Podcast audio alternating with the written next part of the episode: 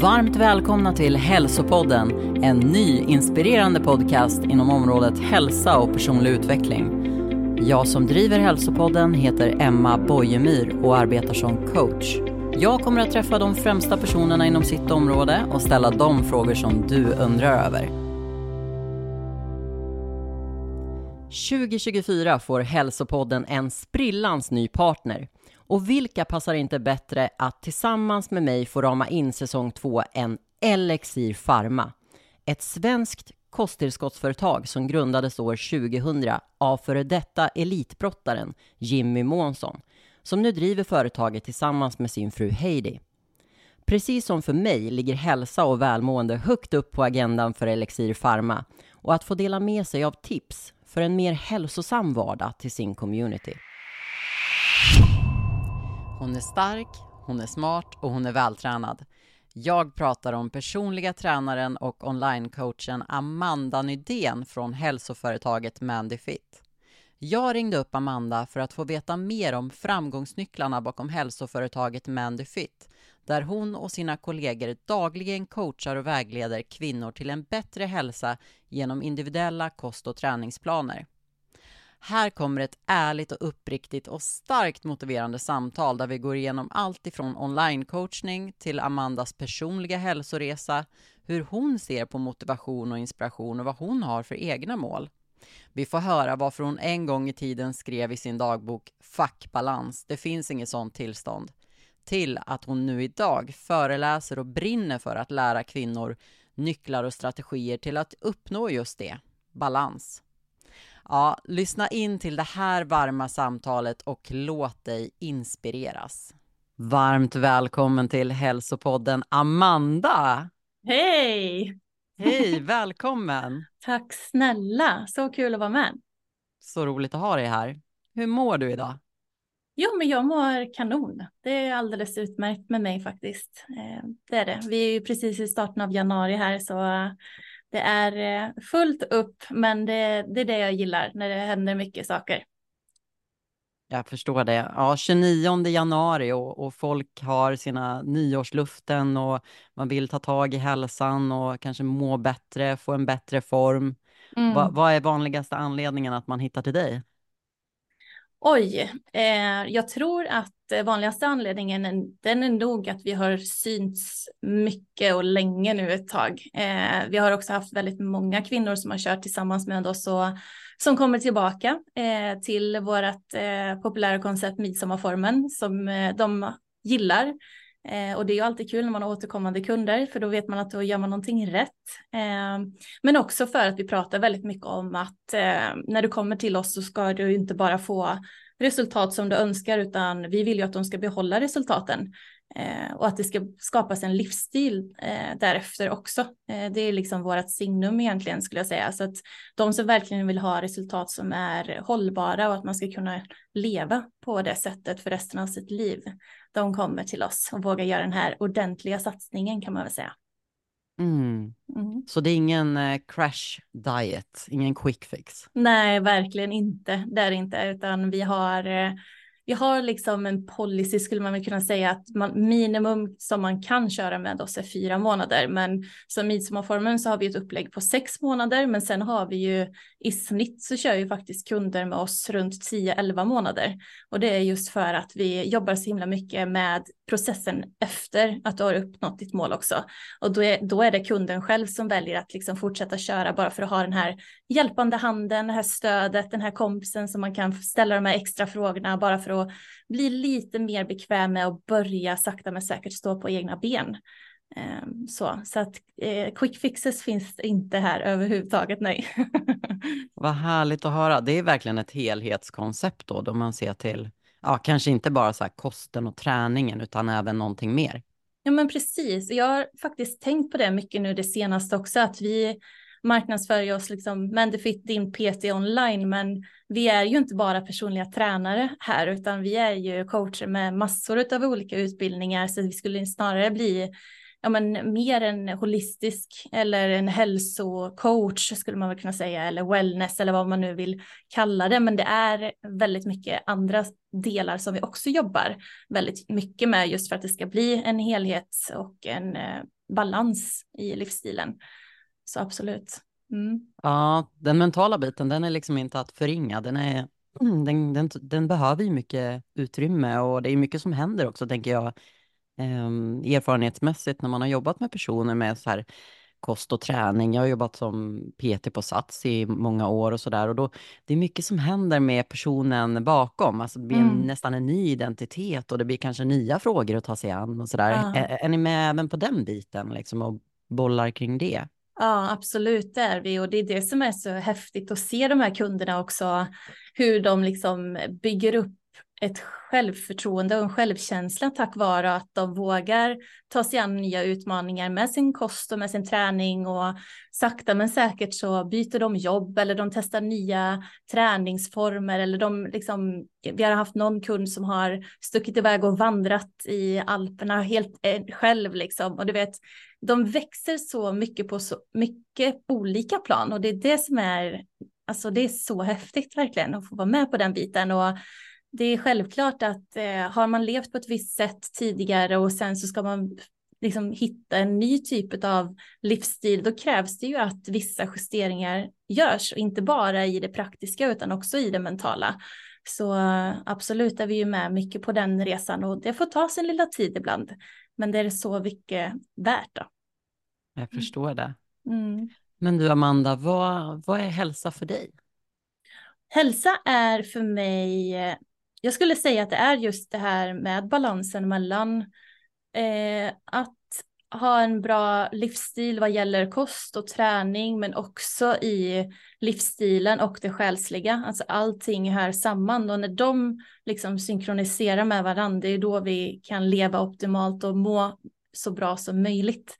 Eh, så så att eh, balans är väl eh, egentligen hälsa man ska försöka säga på något sätt. Lite flummigt kanske, men eh, ja, för mig har det väldigt, blivit väldigt tydligt i alla fall att om vi har balans på alla delar då, då mår vi som bäst. Men blir det extremt åt något håll då är det något annat som man mår sämre av och så där och då, då blir det liksom inte hälsosamt där. Mm. Mm. Men har, har du alltid varit hälsosam? Nej, det har jag verkligen inte. Jag tror det, eller jag vet ju att det är också grunden till varför jag eh, skapade Eh, Eh, jag har ju tävlat som proffs på, eh, inom bikini fitness. Eh, så jag har ju kört väldigt extrema dieter eh, och träningspass och så vidare under många, många år.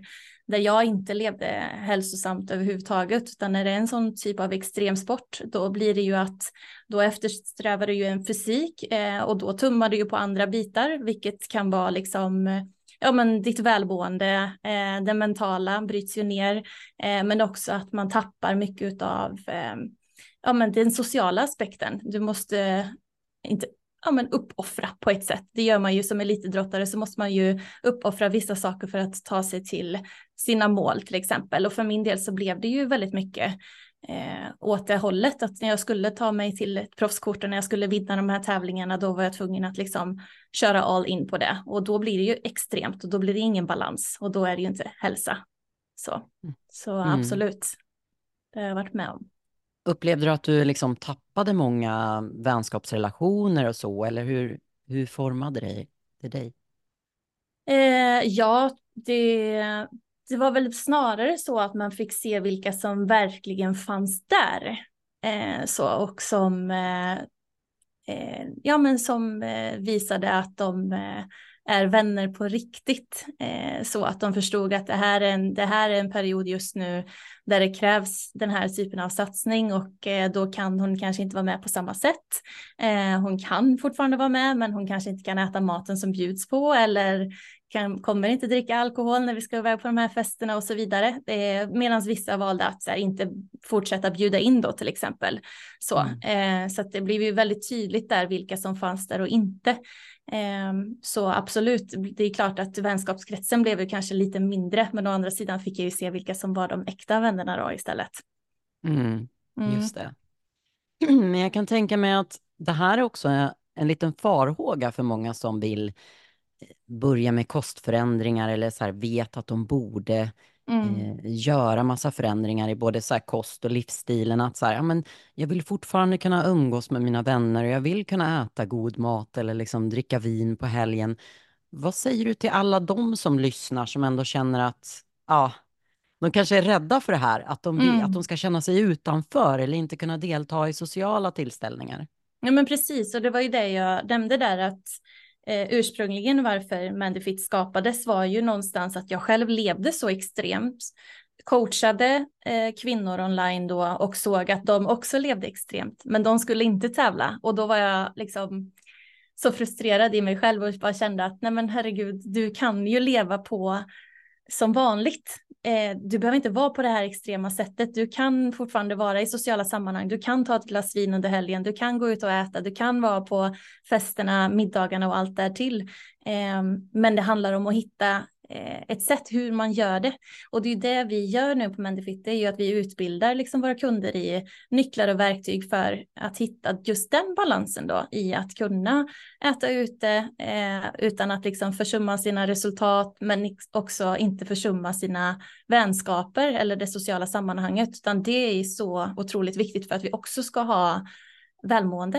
Eh, så så, att, eh, så därav att det liksom blev så tydligt för mig själv att jag levde så extremt och det behöver man ju inte göra när man ska eh, leva en, en helt vanlig livsstil. När du, du ska tävla i någonting, när du ska vara extrem eller liksom en elitidrottare, då kan du fortfarande leva på helt vanligt. Det handlar bara om att hitta de här nycklarna för hur gör man då.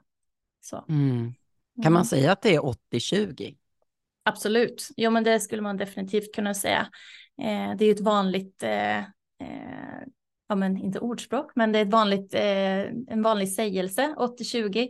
Eh, och det är väl bra att, att, ta med sig det, tänker jag, att eh, om jag 80 till 80 procent liksom tränar och äter bra så kan jag till 20 procent välja mina tillfällen när jag äter någonting som jag njuter väldigt mycket av. Jag behöver inte tänka på vad det innehåller eller hur mycket näring det är i det. Det kan också vara dagar jag inte väljer att träna och så där och då har man ju en form av balans i det hela. Mm.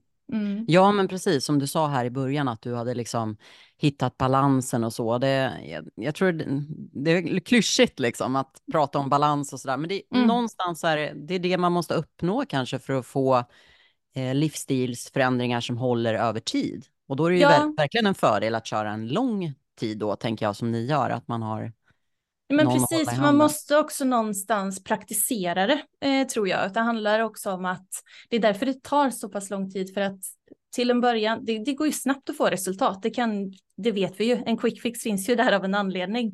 Mm. Men att vi ska behålla de resultaten, det är ju en helt annan sak och då behöver vi liksom träna på det också. Alltså vi får se det som ett, en träning i sig att eh, träna på att gå ut och liksom vad väljer du från menyn till exempel. Träna på att också eh, acceptera att okej idag gick det inte som det skulle men det är helt okej det ändå så att man inte liksom börjar kompensera åt något håll eller, eller så också. Så att jag skulle säga att den perioden är ju nästan viktigare än perioden innan när man tar sig till mål ju om man vill att det ska bli eh, någonting som blir hållbart helt enkelt.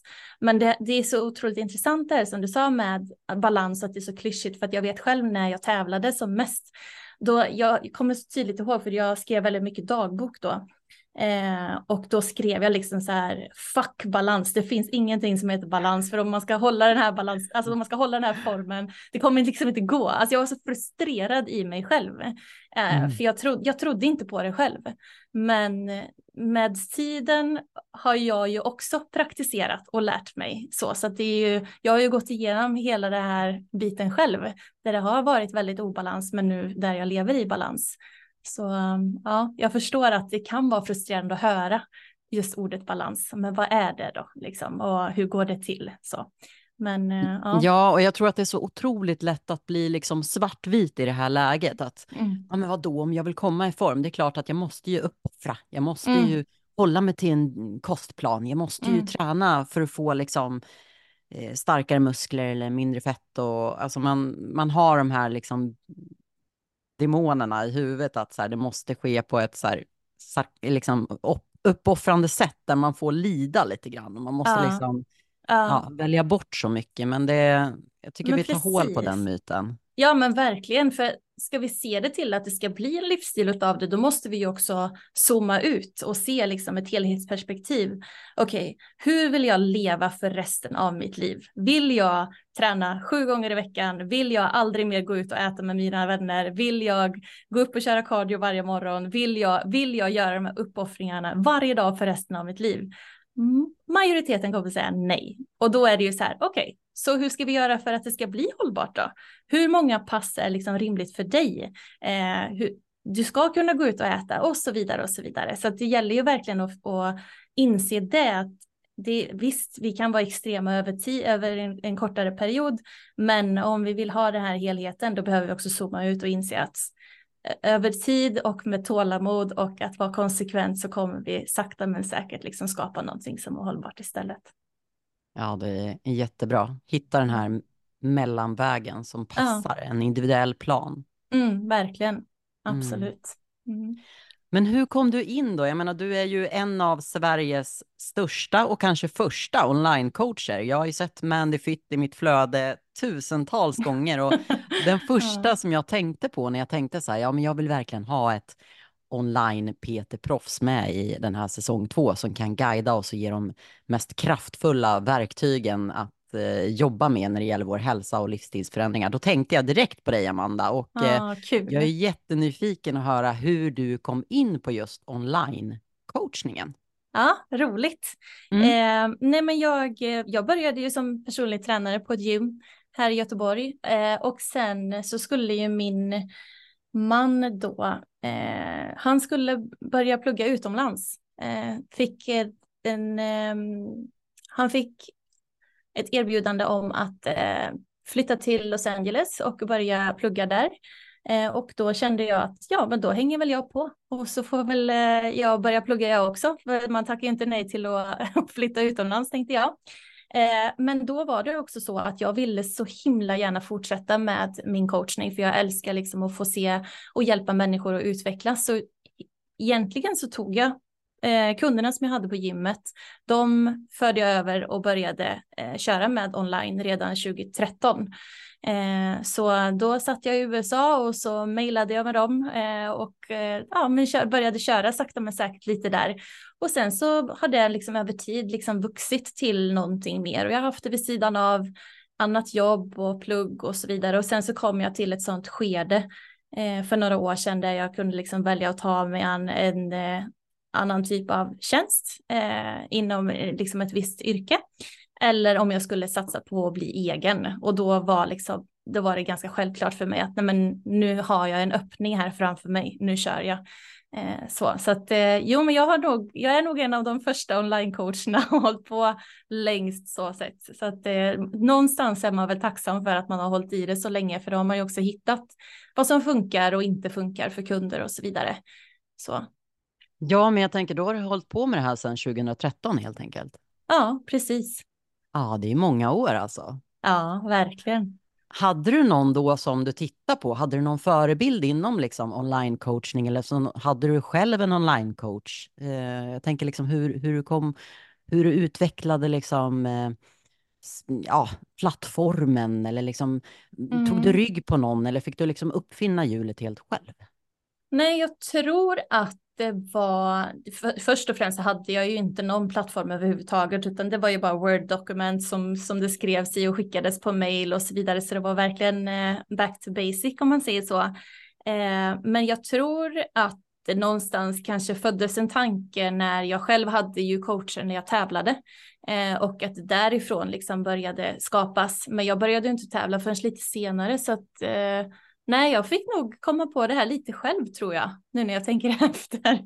Häftigt. Ja, ja. Och sen har det skett eh, utveckling längs vägen då, tänker jag, för att det finns ja. väl både kost och träningsprogram man kan använda sig av och som, som hjälp och sådär, som redskap när man även jobbar online, tänker jag. Ja, men precis. Nu är det ju inte längre ett Word-dokument och ett mail man får, utan nu är det ju liksom en hel app med massor av funktioner som också är för, för kundens liksom eh, upplevelser och för att kunna optimera så mycket som möjligt eh, från bådas håll. Att det ska bli enkelt att coacha, men att det också ska vara en upplevelse eh, för kunden och liksom tycka att det är roligt att checka in och följa upp och chatta chatta med coacherna och så vidare. Så att eh, det är väldigt mycket som har hänt under de här eh, senaste åren, absolut. Verkligen, det mm. förstår jag. Jobbar du någonting på golvet idag eller är det helt online? Nej, nu är det bara online. Är det. Och det har det egentligen varit sedan jag flyttade tillbaka från USA. Eh, det gjorde jag vid 2016 då ehm, var min tanke egentligen att jag skulle börja jobba som personlig tränare på gym igen. Men eh, så blev inte fallet, utan då, då var det att bara fortsätta att köra online eh, helt enkelt. Däremot så anordnar vi ju träningsevent och sånt istället för att träffa våra kunder, eh, vilket mm. är helt mhm. otroligt roligt. Ja, det är jättekul. Ja, verkligen. Berätta mer. Är det någonting Nej. ni kör regelbundet eller vi hade vårt första event eh, förra året. Eh, I januari körde vi då och då bokade vi en stor nattklubb i Göteborg, Trädgården heter den.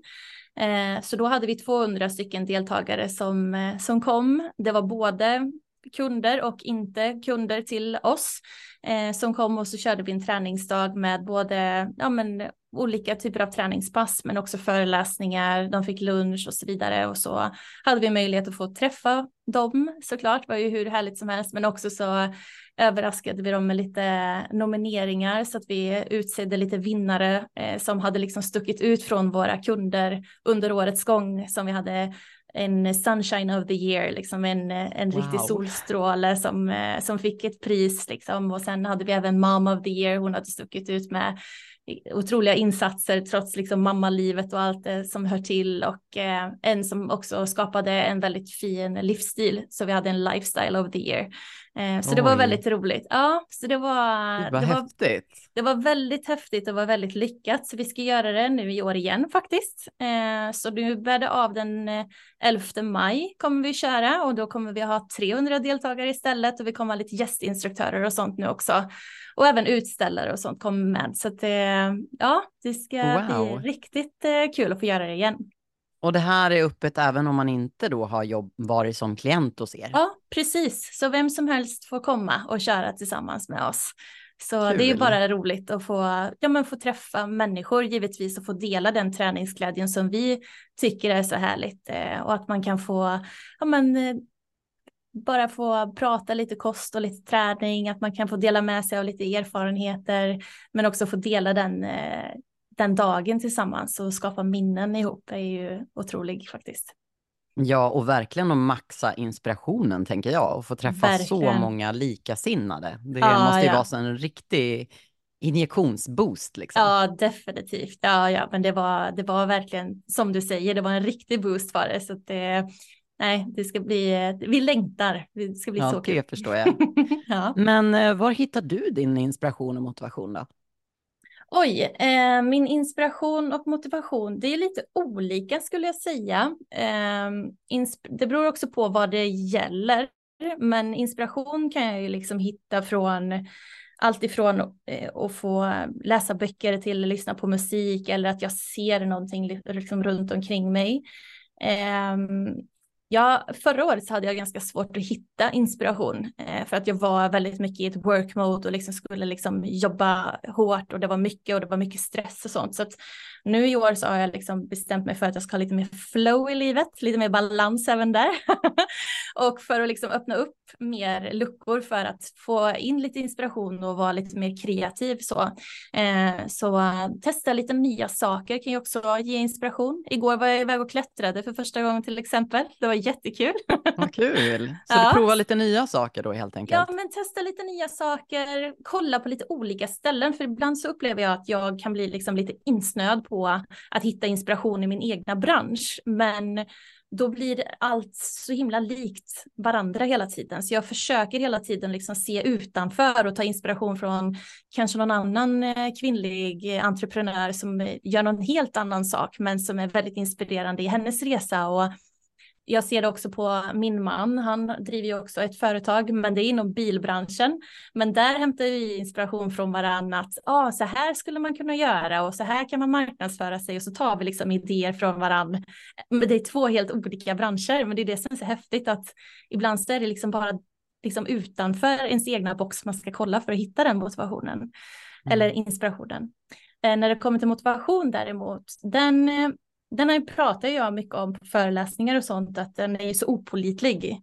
Att den, den får vi inte lita på för mycket. Det är farligt om vi liksom fäster våra mål vid motivationen och, och liksom litar på att jag kommer ta mig i mål om jag bara är tillräckligt motiverad. Men det funkar ju inte så.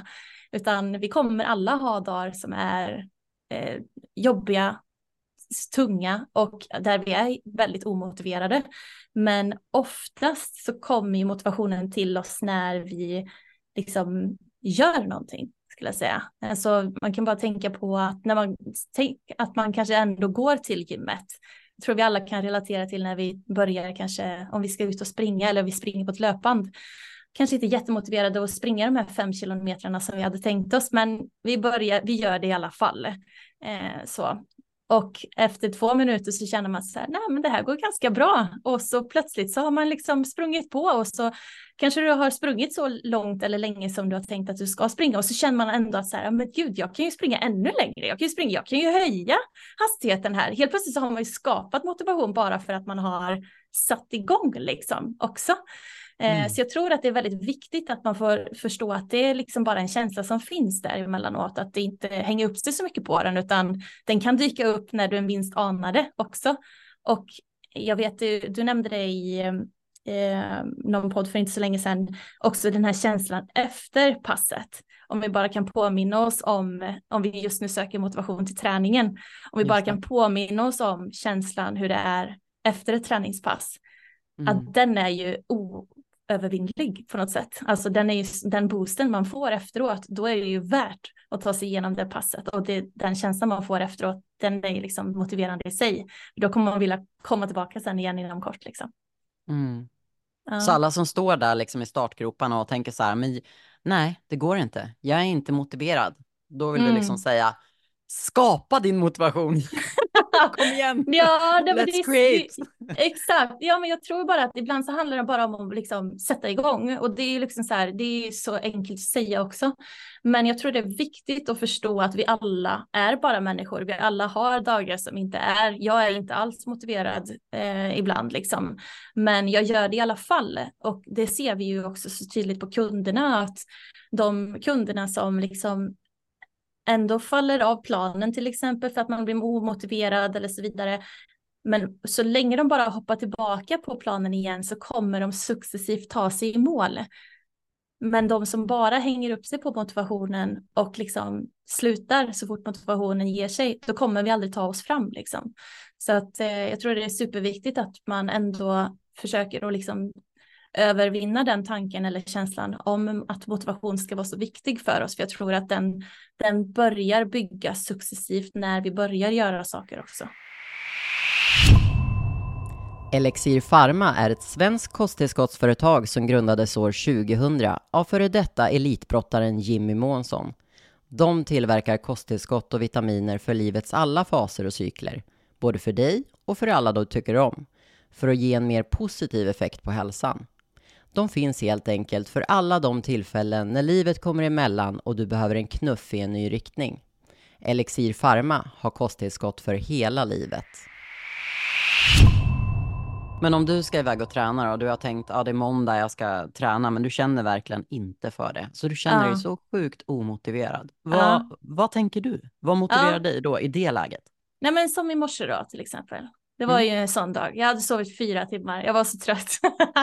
men men jag, det jag hade planerat var att jag vill få till min träning idag för jag vet jag vill starta veckan starkt. Jag vill få in de här passen för den här veckan och jag ska in i en podd idag och jag vill ha energi och jag vet att när jag startar dagen på det sättet och liksom får jag mycket mer energi till resten av dagen.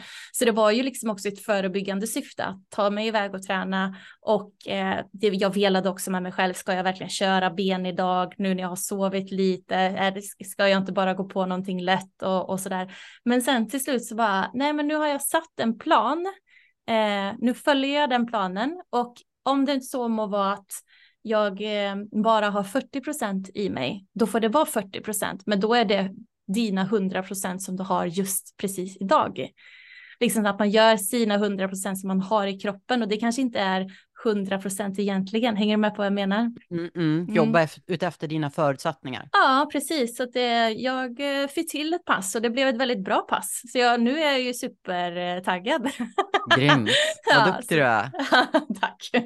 Härligt. Ja. Men eh, hur ska man hantera motgångar då? Om man eh, till exempel blir sjuk eller mm, ja, någon, någonting kraschar i livet som gör att mm. man åker totalt av banan. Mm, och det Hur ska man liksom, tänka då? Liksom- nej, det där är ju fruktansvärt frustrerande såklart när man väl har kommit igång och sådär och så kommer en, en händelse eller ett hinder i vägen som gör att det blir mer utmanande. Eh, men då, det är ju som jag nämnde där tidigare att de här kunderna som verkligen lyckas ta sig i mål eller uppnå sina resultat det är ju de som är konsekventa och kommer tillbaka eh, inom kort istället för att ge upp på sig själv och inse liksom att vi alla är bara människor. Vi alla kommer falla av planen. Vi alla har våra dåliga dagar. Vi alla har någon gång ätit upp ett helt skafferi med mat och det är så det är. Vi är bara människor eh, och det är jag också och det är du med och eh, att man liksom får acceptera någonstans att det är okej. Okay. Det får vara så då. Men eh, vad kan jag göra härnäst som gör att jag kommer tillbaka till planen eh, så snart som möjligt. Eh, så det kanske bara är att börja packa träningsväskan inför imorgon så att jag ser till att få till det här träningspasset. Eh, eller att man, man bygger upp liksom för att ta sig tillbaka så snart som möjligt. Det tror jag är det viktigaste eh, istället för att ge upp på sig själv utan inse att så här, det är okej okay att vi har de här dagarna eh, men det är också viktigt att inse tror jag att du gör ju det också för din egen skull. Eh, och om du ger upp på dig själv, det blir också, då tappar du ju lite den här respekten för dig själv som du har ändå byggt upp någonstans. Eh, så var, du är ju snäll mot dig själv om du, om du liksom accepterar att okej, okay, det var en sån här dag, men vad hade du sagt till din bästa vän? Det är okej okay att ha en sån här dag. Vi hoppar upp på hästryggen imorgon igen. Så du ska ju säga exakt samma sak till dig själv. Ja, och den poängen tycker jag är verkligen superbra. Många är ju alldeles för hårda mot sig själv, så att, att man tjänar ju verkligen på att, att ge sig själv mer kärlek och, och ja. vara mycket snällare mot sig själv, precis ja. som du säger. Ja. Men alla de här personerna som har tusen ursäkter, Ja. ja, men idag är det lite regnigt och nu, nu har jag för små skor och ja, gymmet har så dåliga öppettider. Och... Ja, exakt. Och ursäkter kommer det ju finnas. Alltså, vill vi, vill vi ha ursäkter så kommer det finnas hur många som helst att välja emellan. Eh, och den kan jag ju också bli lite trött på helt ärligt. För det är ju också så här, ja, du har det jättejobbigt eller det, det är någonting som har hänt eller att skorna är för små just nu. Men vad kan du göra just nu då? för att du ändå ska göra det. Vad kan du göra annorlunda eller vad kan du göra istället?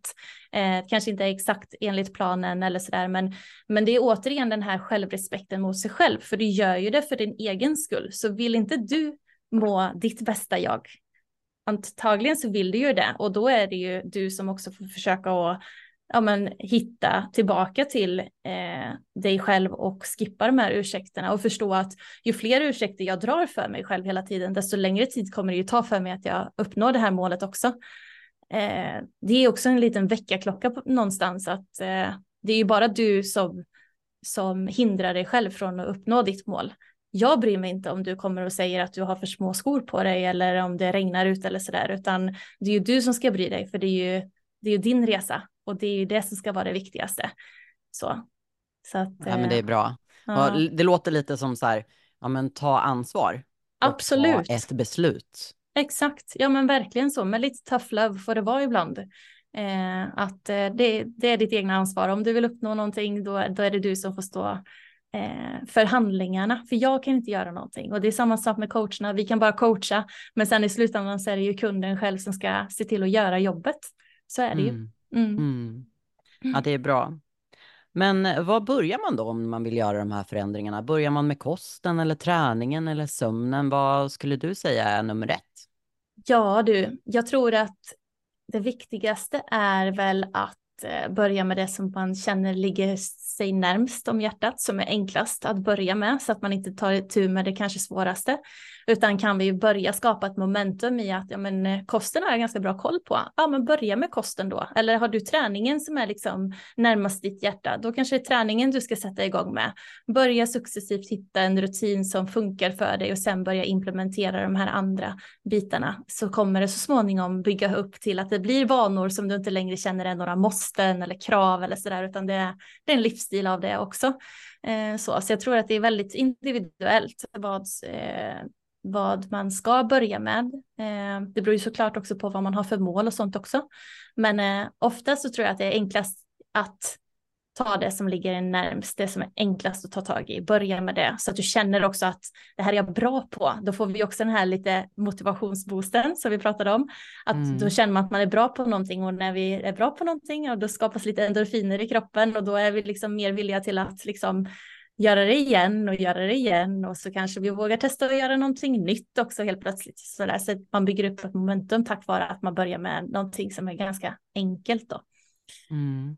Ja. Och där, där vill jag nästan utmana dig lite grann, för jag, jag pratade ju med Mårten Nylén här tidigare för mm. någon vecka sedan och han, eh, han har ju då en eh, modell som kan kalla för balansbordet och det handlar ju om det kost och träning och sömn och återhämtning och de bitarna. Och han säger börja alltid med det kortaste benet. Alltså ja. det som, eh, det som, eh, det som du är sämst på eller liksom det som fungerar mm, ja, inte optimalt. Alltså mm. det, där finns störst förbättringspotential. Och då säger du lite tvärtom nu då? Ja, absolut. Alltså, jag tror att det är väldigt individuellt. Mm. Det är ju de som gillar att ta sig an utmaningar och vågar gå utanför sin comfort zone. De kanske vill ta, ta sig an det här korta benet först. Eh, Medan de som kanske ska skapa en helt ny hälsoresa, de aldrig har gjort det här tidigare. Det är kanske är obekvämt att ta sig till gymmet det första man gör. Ja, då kanske det enklaste är att man bara börjar träna hemma till exempel. Att det är någonting som ligger en väldigt nära, men du börjar skapa någonting successivt så liksom bygger du upp något självförtroende och så kommer du till slut kanske ta det till gymmet eller vad vet jag, testa någonting annat. Eh, så jag tror det är väldigt olika. Jag utgår ju väldigt mycket från våra kunder då eh, som jag ser och då tror jag att det är, det är bättre att liksom börja med det som liksom ligger en närmst och sen successivt öka upp. Ja, såklart. Mm. Och det mm. finns ju alltid två sidor av ett mynt. Så att Absolut. jag tänker att för vissa kanske, kanske det ena funkar bättre och för, för andra det andra. Så att ja. eh, det, det är som du säger, man får alltid se vilken är personen jag har framför mig och ja. vad är de motiverad till eller vad ligger de närmst att kunna, kunna genomföra precis. för förändringar såklart. Så att, ja. Eh, Nej, för det, kan det, ju det också finns väl inte bara så... ett rätt svar tänker jag. Nej, precis. Och jag tänker också att för vissa kan ju det vara supermotiverande också. Att så här, nu ska jag ta mig an det här nya som jag inte har gjort förut. Det som jag har mest liksom, potential till att liksom utvecklas inom. Att det kan vara en motivationsboost i sig också. Så, så jag förstår verkligen hans take på det. Eh, jag tror verkligen att det beror på vem personen är i fråga och vad som passar en bäst. Så att man får nog bara lyssna inåt och se vad drivs jag, vad liksom går jag igång på bäst här. Mm. Jättebra. Mm. Vilken är din eh, svagaste länk av de här då? Oj. Träningen, eh... kosten, återhämtningen, sömnen. Sömnen är det ju absolut just nu. Jag har ju haft en valp här nu i ett år. Jaha, så, åh vad mysigt. Så, ja, det är mysigt. Han snarkar dock väldigt mycket, men nu har han opererats för det, så nu börjar det bli lite mindre av snarkningarna. Men jag, eh, sömnen har jag verkligen fått kämpa med mycket och det är också på grund av att ha mycket stress och sånt också, så att det är ju det är ju en kedjereaktion av andra saker såklart som har dykt upp då. Träningen skulle jag säga, det är ju den som jag verkligen, eh, den, den flyter på av sig själv, kosten lika så. Eh, så att, eh, det är nog sömnen och återhämtningen som nu också är lite fokus det här året, att nu ska jag liksom skapa de här pauserna lite mer. Så, mm. så att det ser jag fram emot. Vad har du för eh, bästa nycklar till sömnen då? Mm. Vad tycker du hjälper bäst där? Ja, men bra sömnrutiner, absolut. Eh, att verkligen ha ett klockslag när man ska gå eh, och lägga sig. Eh, stänga av skärmen en till två timmar innan man ska gå och lägga sig också har jag gjort väldigt mycket. Eh, nu har jag börjat meditera innan jag ska lägga mig och sova också. Eh, vilket jag tycker också har gjort att jag har varvat ner mycket bättre. Eh, så så att, eh, rutiner, absolut, det tror jag är superviktigt. Eh, svalt, mörkt, tyst det är det jag trivs väldigt bra med i alla fall. Eh, så, så att, eh, ja. Svarar du på sms om det kommer ett sms där vid tio tiden eller hur, hur hanterar du det då? Jag tänker om det här med telefon och sociala medier, du måste ju bli bombad med notiser och meddelanden. Nej, jag har faktiskt stängt av alla mina notiser. Eh, så att jag har inte, jag får ingen notis när det kommer eh, något DM eller sådär. Eh, och sen så har jag också ställt in också att det är en, eh, eh ja men vad heter det? Eh, ja men när, när det är läggdags helt enkelt på mobilen. Just då det. stänger, ja, då, då säger den till. Klockan nio då stängs allting sånt av. Så då ser jag inte vad som kommer att ske. Så det är väldigt bra tycker jag. Det funkar. Mm.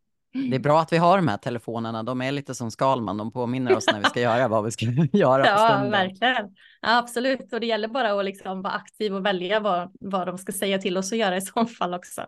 Så, Mm. men det finns ju mycket verktyg som man kan använda sig av där med. Mm. Mm. Så du har lite som mål då att du ska få bättre återhämtning och bättre sömn 2024? Mm, absolut, det Mm. är det. Ja. Har du något träningsmål? Träningsmål just nu har jag, nej jag tror inte jag har någonting speciellt. Eh, Just nu så har jag bara en eh, träningsövning som jag känner att jag skulle vilja kunna och vara bättre starkare i.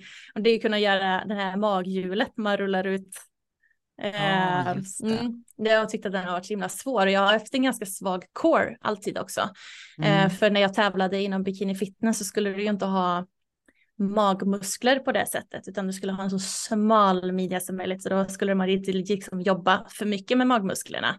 Just det, just det. Ehm, så, så nu är det liksom det, eh, ett mål i sig är ju att jag ska liksom bygga upp min core så jag blir stark i den och då när jag är tillräckligt stark så ska jag kunna utföra tio stycken raka utan att liksom det minsta kunna eh, tappa i ländryggen eller någonting sånt då.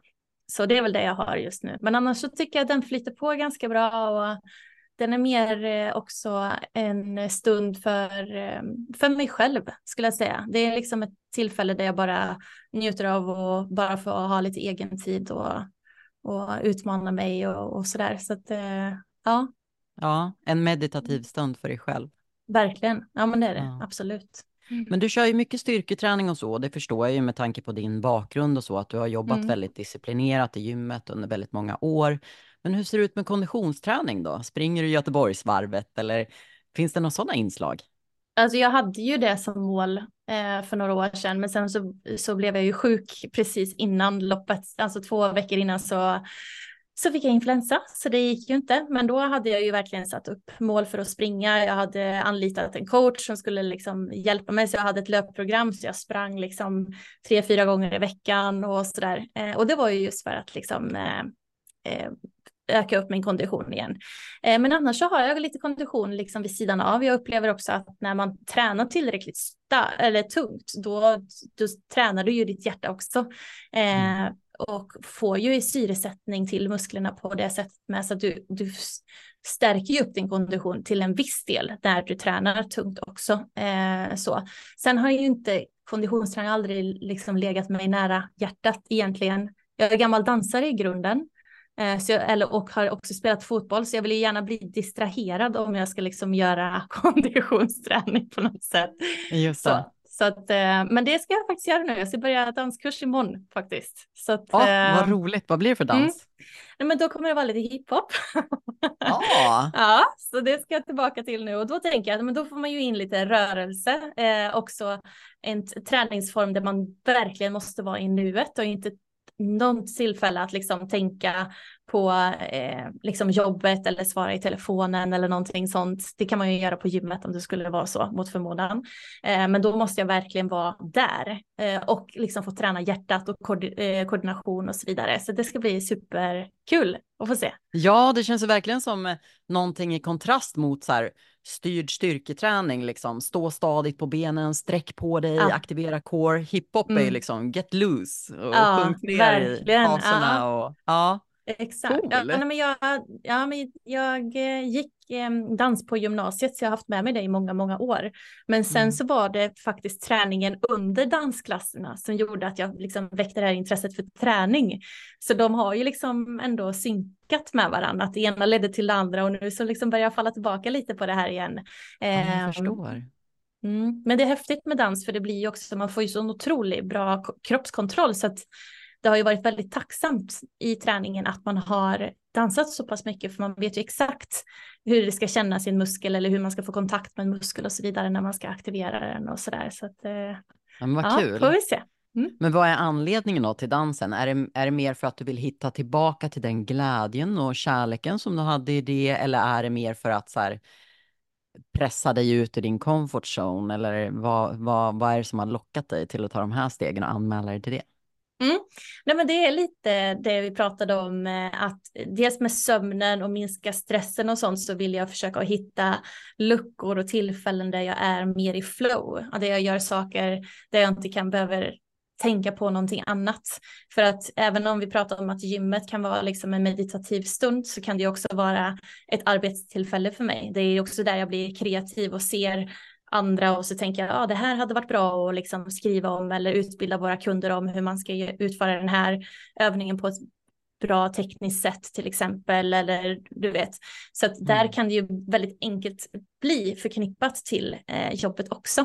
Medan när jag är i klättring eller dans eller vad det nu må vara så måste jag verkligen vara där i stunden och jag tror att det är där jag försöker att leta lite efter nu för att hitta tillbaka till inspirationen också.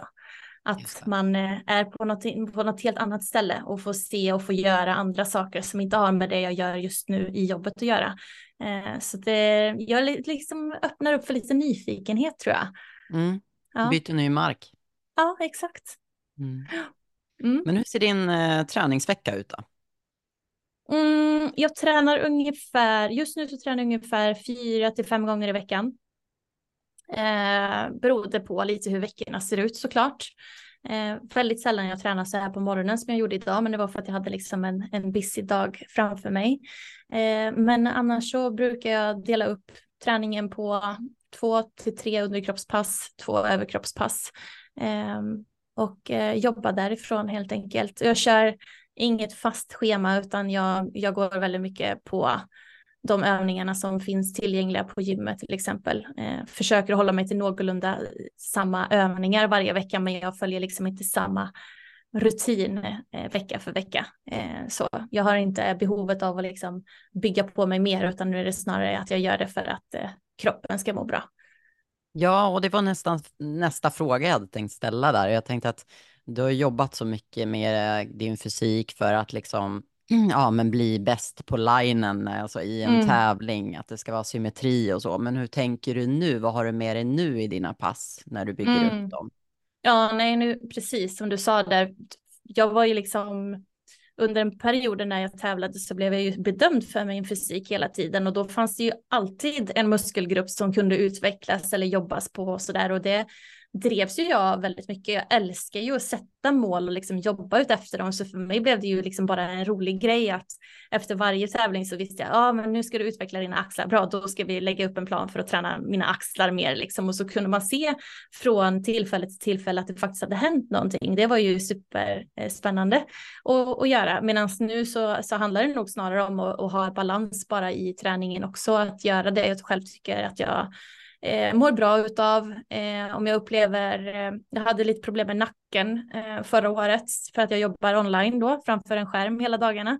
Så då blev det ju liksom fokus på att liksom stärka upp liksom nackpartiet istället och liksom baksidan och ryggen och sådär. Så att eh, det handlar nog snarare om att, att bara ha en balans och ja, men som sagt må bra i kroppen, inte ha någon smärta eller någonting sånt utan eh, ja, bara för att mm. må bra. Träna för hälsan. Ja, verkligen. Mm. Mm. Om vi går in lite på kosten då. Mm. Vad, har, vad har du för eh, relation till, eh, till mat och vad, eh, vilken kost förespråkar du? Mm. Jag har ju eh, haft en väldigt dålig relation till mat tidigare. Eh, just på grund av liksom tävlandet när det blev så pass extremt. Eh, till en början så var inte det några konstigheter, men det ledde ju någonstans till att dels så blev man ju liksom, jag fick ju väldigt dålig syd på min egna kropp eh, och eh, när man sen ska liksom sluta tävla, den, den stunden efter tävlandet till det att man ska liksom tillbaka till sin normalvikt. Kroppen bara skriker efter mat, huvudet bara skriker efter mat och det enda du vill göra är att äta massa mat. Och där någonstans när jag eh, slutade med tävlandet, eller det var mitt i tävlandet också för den delen, så blev det att jag började hetsäta och sen så började jag kompensera i form av att jag kräktes upp ibland, ibland så liksom eh, svälte jag mig själv dagen efter för att jag inte skulle komma över x antal kalorier och så vidare. Så det har ju varit ett väldigt dåligt förhållande till mat. Eh, Medan nu så har jag ju ja, men också jobbat på den biten eh, i flera år och praktiserat även balansen i den. Eh, för när man levde på en extrem diet så fanns det liksom inte alls tillfälle till att liksom kunna äta choklad mitt i veckan eller ta det här glasvinet på helgen eller gå ut och äta eller någonting sånt. Så att det var ju en, en period som var, var väldigt jobbig att liksom börja acceptera någonstans. Men det blev ju som jag sa det tidigare att det har jag ju fått träna på att acceptera att det här är okej. Okay. Är jag sugen på choklad nu så kan jag äta choklad. Det kommer inte förstöra någonting. Medan för några år sedan så trodde jag att det skulle förstöra någonting för mig och då blev det liksom att ett skulle kunna vara, ja då får jag träna lite mer imorgon eller att det var, nu har jag förstört allting, nu kan jag lika gärna fortsätta och äta upp hela chokladkakan och sen så tar vi chipspåsen och så tar vi nästa och nästa och nästa och nästa liksom. Så um, det var ju ett väldigt skevt beteende eh, och uh, ingen balans. Medan nu så är det ju, men jag älskar ju mat. Verkligen, det är ju det är så gott med mat och jag är ju gift med en kock också. Amen. Så jag har det. ja, så jag har det, jag har det väldigt trevligt. Vad härligt. Ja. Men jag blir lite nyfiken, förlåt att jag avbryter dig, men jag tänker om någon bjuder dig på en jättegod eh, kladdkaka hembakad på en onsdag ja. nu. Är det viktigt ja. då för dig att känna så här, ja, jag kan ta en bit för att jag vill? Eller känner du så här, nej, men jag håller mig till lördagar? Nej, nej, absolut inte, utan nu är det verkligen att jag kan ta den här om jag vill och vill jag ha den då, då kommer jag äta den då. Eh, och allt som oftast så kommer jag äta den då. För hur ofta bjuds det på kladdkaka liksom? ja, det beror på vilka kollegor man har då. Men... exakt, exakt. ja, nej, precis. Och där är ju också någonstans så då att då handlar det ju också någonstans om balans. För blir det så att det bjuds på kladdkaka varje dag, då kanske jag inte egentligen är sugen på att äta det varje gång det bjuds på. Eh, och det ska ju också någonstans vara okej okay att säga att nej tack, det är bra, jag, jag, det duger med kaffe för min del idag istället. Mm. Eller jag kan äta mitt mellanmål till fikat istället, men jag kan fortfarande vara med er. Och, och det är någonstans där vi behöver börja jobba också för att det också ska bli accepterat liksom på eh, arbetsplatserna. För det upplever jag att många av våra kunder tycker är lite jobbigt ibland, att de måste säga nej för att de blir ställda en massa frågor och sådär. Och det är inte heller okej, okay, för att du, du måste ju få välja vad du själv stoppar i din mun. Du ska inte behöva stoppa någonting i munnen bara för att göra någon annan nöjd. Och Nej. det är det ofta de gör. De liksom äter bara för att slippa frågorna och för att alla andra ska vara nöjda, men du själv känner dig inte nöjd och det är inte heller en bra känsla. Så, mm. så att um, nu har inte jag kollegor som bjuder på fika varje dag, så att för min del så blir det ju inte att jag behöver liksom ta de ställningarna varje dag, alltså vill jag ha idag eller vill jag inte? Men om jag hade det, då skulle jag liksom fundera på att så här, ja men kanske en dag i veckan så kan jag liksom ta den här kladdkakan och njuta av den. De andra dagarna så kommer jag äta mitt mellanmål istället för att jag vet också innerst inne att jag kommer inte få den här dippen en timme, två timmar efter att jag har ätit den, utan jag mår bättre om jag tar mitt mellanmål. Jag kommer hålla mig mätt längre. Eh, det blir mindre risk för att jag kommer liksom falla av planen eller äta någonting annat och så vidare. Så, men det är absolut inte farligt att ta kladdkakan. Eh, men tror du, tror du att det finns den här gruppen av personer som eh, de kan inte tacka ja till en godispåse, några bitar, för att då kommer de äta mm. mer eller hela påsen. Alltså finns det den här gruppen av människor som bara, nej, det är lättare att de aldrig tar det. Eller ja. tror du att alla ska hitta en balans i att så, ah, men nej, men då får jag väl sätta upp en gräns. Då får du äta fyra bitar och så får du jobba till du klarar det. Eller förstår du mm, frågan? Mm. Ja, jag förstår absolut frågan. Jag tror att det handlar om att man, eh, man väljer sina egna sanningar väldigt mycket. Vem man är som person. Jag är ju en person som eh, eh, har väldigt dåligt eh, lokalsinne till exempel, säger jag till mig själv. Och det gör ju också att jag inte heller eh, ger mig själv chansen till att ens försöka att hitta rätt när jag ska någonstans, utan det, det händer allt som oftast att jag åker fel eller sådär. Och det är lite av min identitet liksom. Jag hade så tidigare att jag var en allt eller inget person med tanke på min historik liksom innan tävlandet och så, så var det ju ingenting jag fick äta. Och när jag väl fick äta, då åt jag allt. Så jag jag var ju en sån person som sa att men jag är en allt eller inget person. Men jag tror någonstans där att så här, det väljer du ju själv också. Om du mm. säger det för dig själv, ja men då har du ju valt att öppna upp den dörren. För att då är det ju också okej okay för dig att när du väl när du väl börjar äta då och du har sagt till alla att så här, jag är en allt eller inget person, ja varsågod, det är bara att ta av hela buffén här i så fall. Men om mm. du inte nämner det för dig själv utan att du väljer att säga liksom till dig själv att men jag är en person som lever i balans och jag kan välja att ta ett mellanmål istället eller en grön juice istället för fikat om jag är sugen på det. Då, då har du ju helt plötsligt öppnat upp för en annan liksom vinkling för vilken typ av person du är. Så jag tror att det sitter någonstans väldigt mycket i det mentala och jag tror också att det är väldigt mycket samma sak där att det är någonstans något vi måste praktisera. Att du behöver inte äta hela godispåsen. Eh, du kan ju stanna upp, känna efter. Hur mycket av det här vill du ha? Vad är du faktiskt sugen på? Eh, och liksom börja sakta men säkert att öva på att men jag ska bara ta det jag vill ha idag. Att man kanske nämner det högt för sig själv eller skriver ner att på fredag så vill jag jättegärna äta den här kakan. Ja, men då kanske vi ska köpa hem den kakan. Vi kanske inte ska köpa hem hela buffén. För då mm. behöver vi inte heller utsätta oss för de stora utmaningarna till en början, utan vi, också, vi måste göra det liksom lätt för oss själva att lyckas emellanåt också.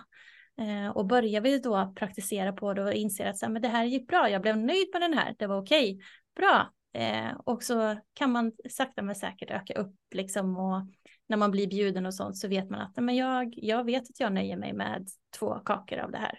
Det, jag behöver inte äta mer. För du, du väljer som sagt vad, vad för typ av eh, persona eller vad för vald sanning som du har om dig själv då. Här kommer din NLP practitioner in här.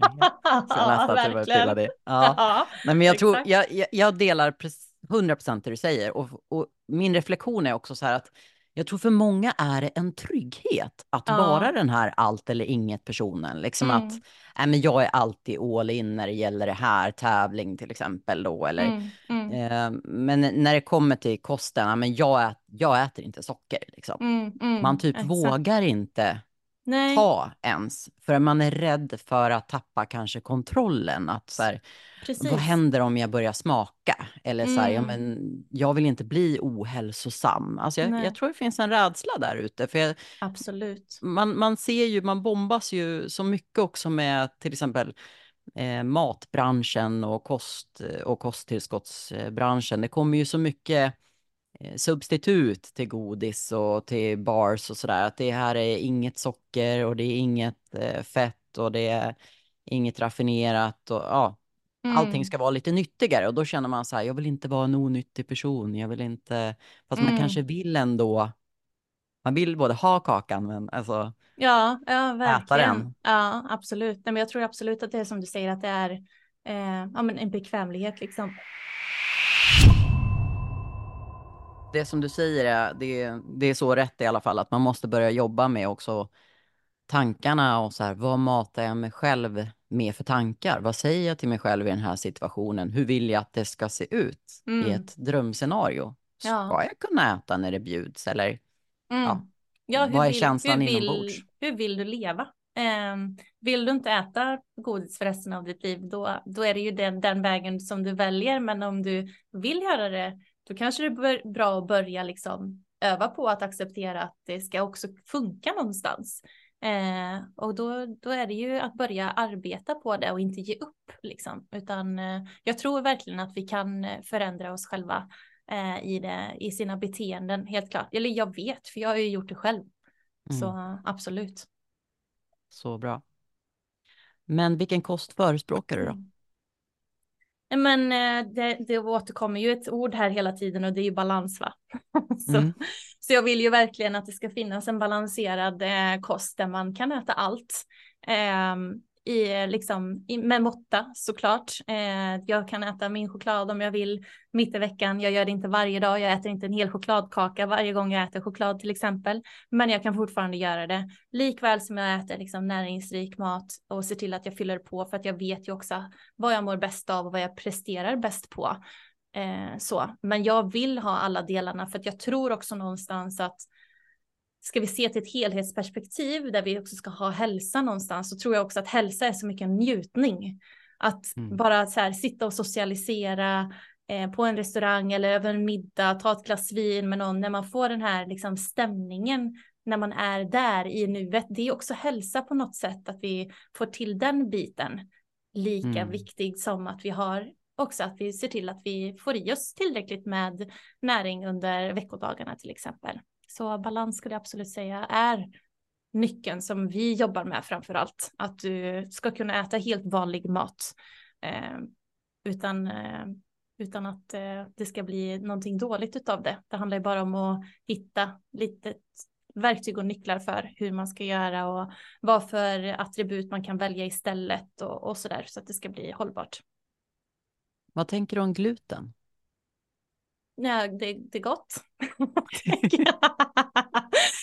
ja. Får man äta Nej, men... gluten i era program? Absolut, det får du. Det får du definitivt göra och det är ju väldigt många som är rädda för gluten och bröd och liksom bakelser och allting sånt.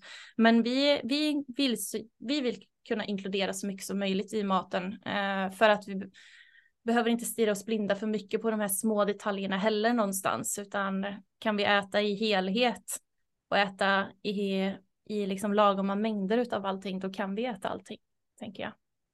Mjölkprodukter. Ja, samma sak där, tänker jag. Socker. Ja, exakt. Alkohol. Ja. ja, Ja, det finns inga det... förbud då helt enkelt? Nej, det finns liksom inga förbud, utan här ska, det är det vi vill i alla fall eftersträva, det är ju att skapa en livsstil som man kan tänka sig att leva resten av livet. Och jag vet att jag vill äta bröd. Jag vill också äta smör på mitt bröd om jag vill göra det. Jag vill äta min choklad, jag vill dricka mitt glas vin eh, och det vill jag kunna göra i balans för resten av mitt liv. Men jag vet att blir det för mycket av det, då mår jag ju inte bra av det och då är vi ju i en obalans istället. Men om vi gör det liksom i lagoma mängder, då mår vi också någonstans bra tänker jag. Mm. Och det här mm. låter så enkelt när du säger det, så jag kan inte mm. låta bli att ställa frågan, varför har det här blivit så svårt? Tror ja, du? jag tror att man har komplicerat det alldeles för mycket och tyvärr så tror jag också att det är alla artiklar och eh, löpsedlar och så vidare som eh, stirrar sig blinda på olika typer av dieter, det blir en ny hype kring någonting för att man har sett enligt forskning eller någon studie som säger att man inte ska äta på det här sättet eh, och så vidare. Eh, det var som jag sa där, att det är så lätt att vi stirrar oss blinda på liksom de här små detaljerna istället för att se på helhetsperspektivet. Så här, vad, vad är det viktigaste? Är det, är det bättre att äta svart ris än att äta vitt ris eller ska jag äta fullkornsris? Det, så här, det spelar egentligen ingen roll vad du äter där. Eller om du äter bröd eller om du äter pasta eller om du äter potatis eller eh, om du äter ris till maten. Det är inte det som kommer vara avgörande. Det som kommer vara avgörande är de här andra bitarna. Eh, dels hur mycket du äter men också eh, sockret. Om du får i dig för mycket av det till exempel, då blir det ju liksom en obalans. Så jag tror att det handlar ju så mycket om att gå back to basic med både mat och träning. Men med tiden så har vi liksom konstlat till det så mycket och det är en stor djungel där ute. Vilket är jättefrustrerande för det är så enkelt om vi bara backar tillbaka, zoomar ut och ser okej, okay, vad är viktigt att jag får i mig? Jo, mat är ju absolut viktigast att vi får i oss liksom. Hur, hur mycket ska jag träna? Så mycket som du mår bra utav. Det kanske inte är fem gånger i veckan som jag gör. Det kanske är två pass, tre pass i veckan liksom. Så att jag tror det är viktigt att försöka zooma ut återigen och inte stirra sig blind på eh, de här, att försöka sluta kolla på så mycket löpsedlar och artiklar och veta vad man själv mår bäst av. Så, ja, och det är svårt också för det finns ju många självutnämnda gurus som eh, mm. ja, gärna vill säga, gå den här vägen, ät det här, ät inte det här. Mm, mm, precis, och jag vet ju själv, jag, jag går ju på dem själv ibland och känner att så här, men gud, det här kanske man skulle testa. Och sen tänker jag en vända till, och vill jag leva så resten av ett liv? Nej, det vill jag inte. Och då tänker jag, nej, men då fortsätter jag som jag gör istället. Så mm. det är så jag brukar tänka när jag liksom fastnar för någonting sånt. Så att, Jättebra äh, tips. Ja. Mm. det känns ju som att när du började, då var det liksom du och en handfull till som ja, körde de här online, PT online. Mm. Nu känns ju, det är ju liksom hur många coacher som helst där ute. Ja. Tror du att liksom onlinebranschen är mättad eller tror du att det finns plats för fler?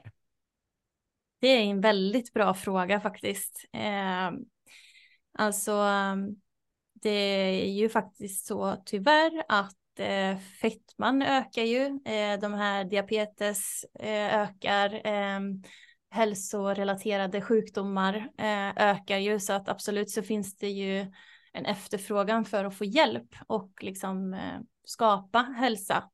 Sen är ju frågan om det är online coachning som kommer vara, eh, om det är där man be behöver sin hjälp eller om den är mättad, det är, det är svårt att säga. Jag tror fortfarande inte att vi kanske har nått piken ännu, utan jag tror att det kommer likt lite som när personlig tränare var på sin hype alla utbildade sig personliga tränare och liksom det var mättat, det fanns liksom överallt. Så. Och så ser det ju inte ut längre utan de som har hållit ut istället är de som står kvar och liksom har en stor kundkrets bakom sig och så där. Så att eh, jag tror att vi är nog på, på början av toppen och snart kommer det liksom landa lite och så kommer man kanske hitta eh, vilka som stannar kvar och står stadigt. Mm. Mm. Men det är spännande bransch faktiskt. Ja, men verkligen. Och jag känner också så här, det har ju kommit så många, men det är precis som du säger, det här med ohälsan, det är vi fortfarande kvar och det vi jobbar ja. mot, det är ju mot ohälsa. ohälsa. Mm. Att, eh, mm. Man vill ju att så många som möjligt ska kunna ha möjligheten att leva ett friskt liv med mycket frihet. Eh, ja. och kunna göra det man vill göra, det man eh, brinner för. Exakt. Eh, men jag mm. tänker också samtidigt det här med utvecklingen av AI. Mm eh, som finns där. Har, har du själv några farhågor kring det eller vad, vad tänker du? Nej, jag har faktiskt inte det överhuvudtaget ska jag säga, utan det jag märker så tydligt på våra kunder och det jag också kanske tror att många har eh, en förutfattad mening om online-coachning är ju att det ska vara väldigt opersonligt. Men det jag upplever är ju snarare tvärtom jämfört när jag jobbade på gymmet som personlig tränare så har vi nu bättre kontakt med våra kunder via skärmen än eh, på gymmet faktiskt. Det är mycket mer personligt och det är ju tack vare att vi har den här skärmen där vi dels har möjlighet att kunna prata med dem dagligen istället för bara den timman när vi är på gymmet och träffar vår personliga tränare.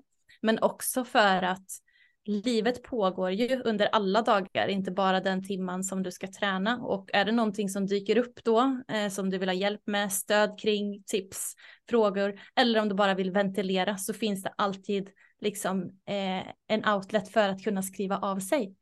Eh, och vi kvinnor är ju med om väldigt mycket olika skeenden i vårt liv och vi vi har väldigt mycket känslor till höger och vänster och det är högt och det är lågt och eh, ibland så är det bara så skönt att bara få skriva av sig att det här har varit en sån dålig dag, jag var med om det här, jag mår piss, jag har PMS eller vad det nu kan vara och liksom bara få skriva av sig. För vi vet ju själva hur skönt det är om vi har en frustration i kroppen och bara får ventilera den med någon, då släpper liksom lite utav den känslan i kroppen också.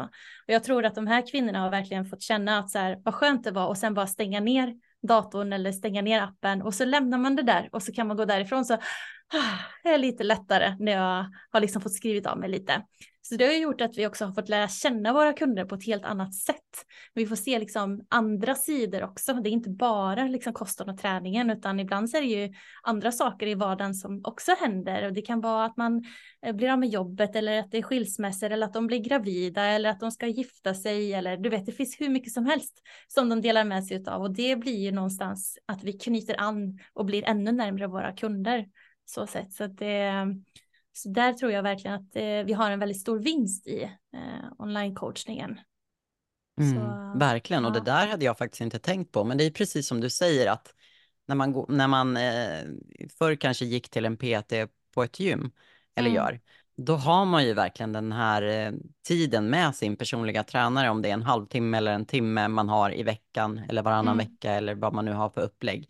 Men ja. that's it liksom. Och ja. när man har den här i appen med sig, då har man ju den lite tillgänglig. Det blir nästan som en liten kompis, alltså att ja. man kan Precis. bolla, man får en närmare relation. Ja, ja, och, ja men jag tycker verkligen det. Och det är där någonstans jag tror att så, här, så länge vi behåller den här personliga touchen på det så kommer AI aldrig kunna eh, liksom ta över i alla fall inte oss på det sättet, utan jag mm. tror att vi människor vill ha det här personliga kvar.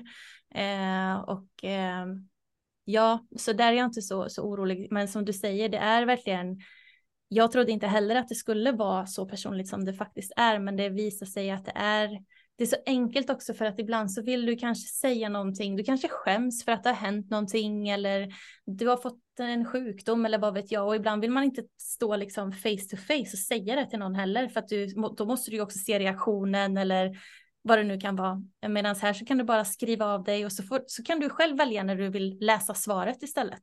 När du känner mm. dig redo, när du är liksom lite starkare kanske eller när du har en bättre dag eller sådär. Så att eh, så det, det, tror jag verkligen att eh, många tänker nog inte på det, men det är det som också är så häftigt att se att det digitala det kan vara väldigt personligt. Eh, mm. Och det är så vi jobbar i alla fall. Verkligen mm. bra. Du, det var så fint att prata med dig och jag, jag hoppas verkligen att det är många som eh, hämtar inspiration och vågar ta klivet och göra de här förändringarna som kommer leda dem närmare sitt hälsomål. Mm. Eh, jag undrar bara, är det någonting du skulle vilja säga här avslutningsvis till de som har lyssnat på det här avsnittet? Har du några tankar eller några meningar du vill skicka med dem? Oj, vad skulle det kunna vara? Nej, men jag tänker väl framför allt så här att eh, det är väldigt lätt att vi målar upp eh, en viss bild om eh, vilka vi är, att vi är personer som aldrig eh, ty kommer tycka om träning eller att vi är en allt eller inget person och så här. Du kan välja att måla om den bilden precis när du själv vill. Eh, och det är det som är så häftigt någonstans, att du har en möjlighet att kunna göra en förändring just precis i detta nu, om du bara väljer att bestämma dig och lägger en plan därefter och sen börjar successivt arbeta på det. Det viktigaste när vi lägger en plan är ju också att vi ska ha tålamod med oss själva, acceptera att ibland kommer det att gå lite snett. Vi faller av våran plan, men då är det viktigt att vi hoppar på hästryggen igen som vi sa tidigare och att det är balans någonstans som vi ska försöka hitta för då kommer det bli hållbart på lång sikt. Eh, och vill man ha hjälp såklart så är det ju mendefit.se de ska höra av sig till så kan vi ju hjälpa dem med verktyg och nycklar kring det, tänker jag. Härligt. Du, mm. stort, stort tack Amanda för att du gästade Hälsopodden. Tack snälla, det var så kul verkligen. Tack för att just du har lyssnat på Hälsopodden. Och är du som jag, att du brinner för hälsa och personlig utveckling och vill höra mer av Hälsopodden? Då skulle jag bli jätte, jätteglad om du gick in på Spotify, betygsatte oss genom att ge oss några stjärnor så att vi kan fortsätta sprida hälsa genom podden. Ha nu en riktigt bra dag och ta hand om dig.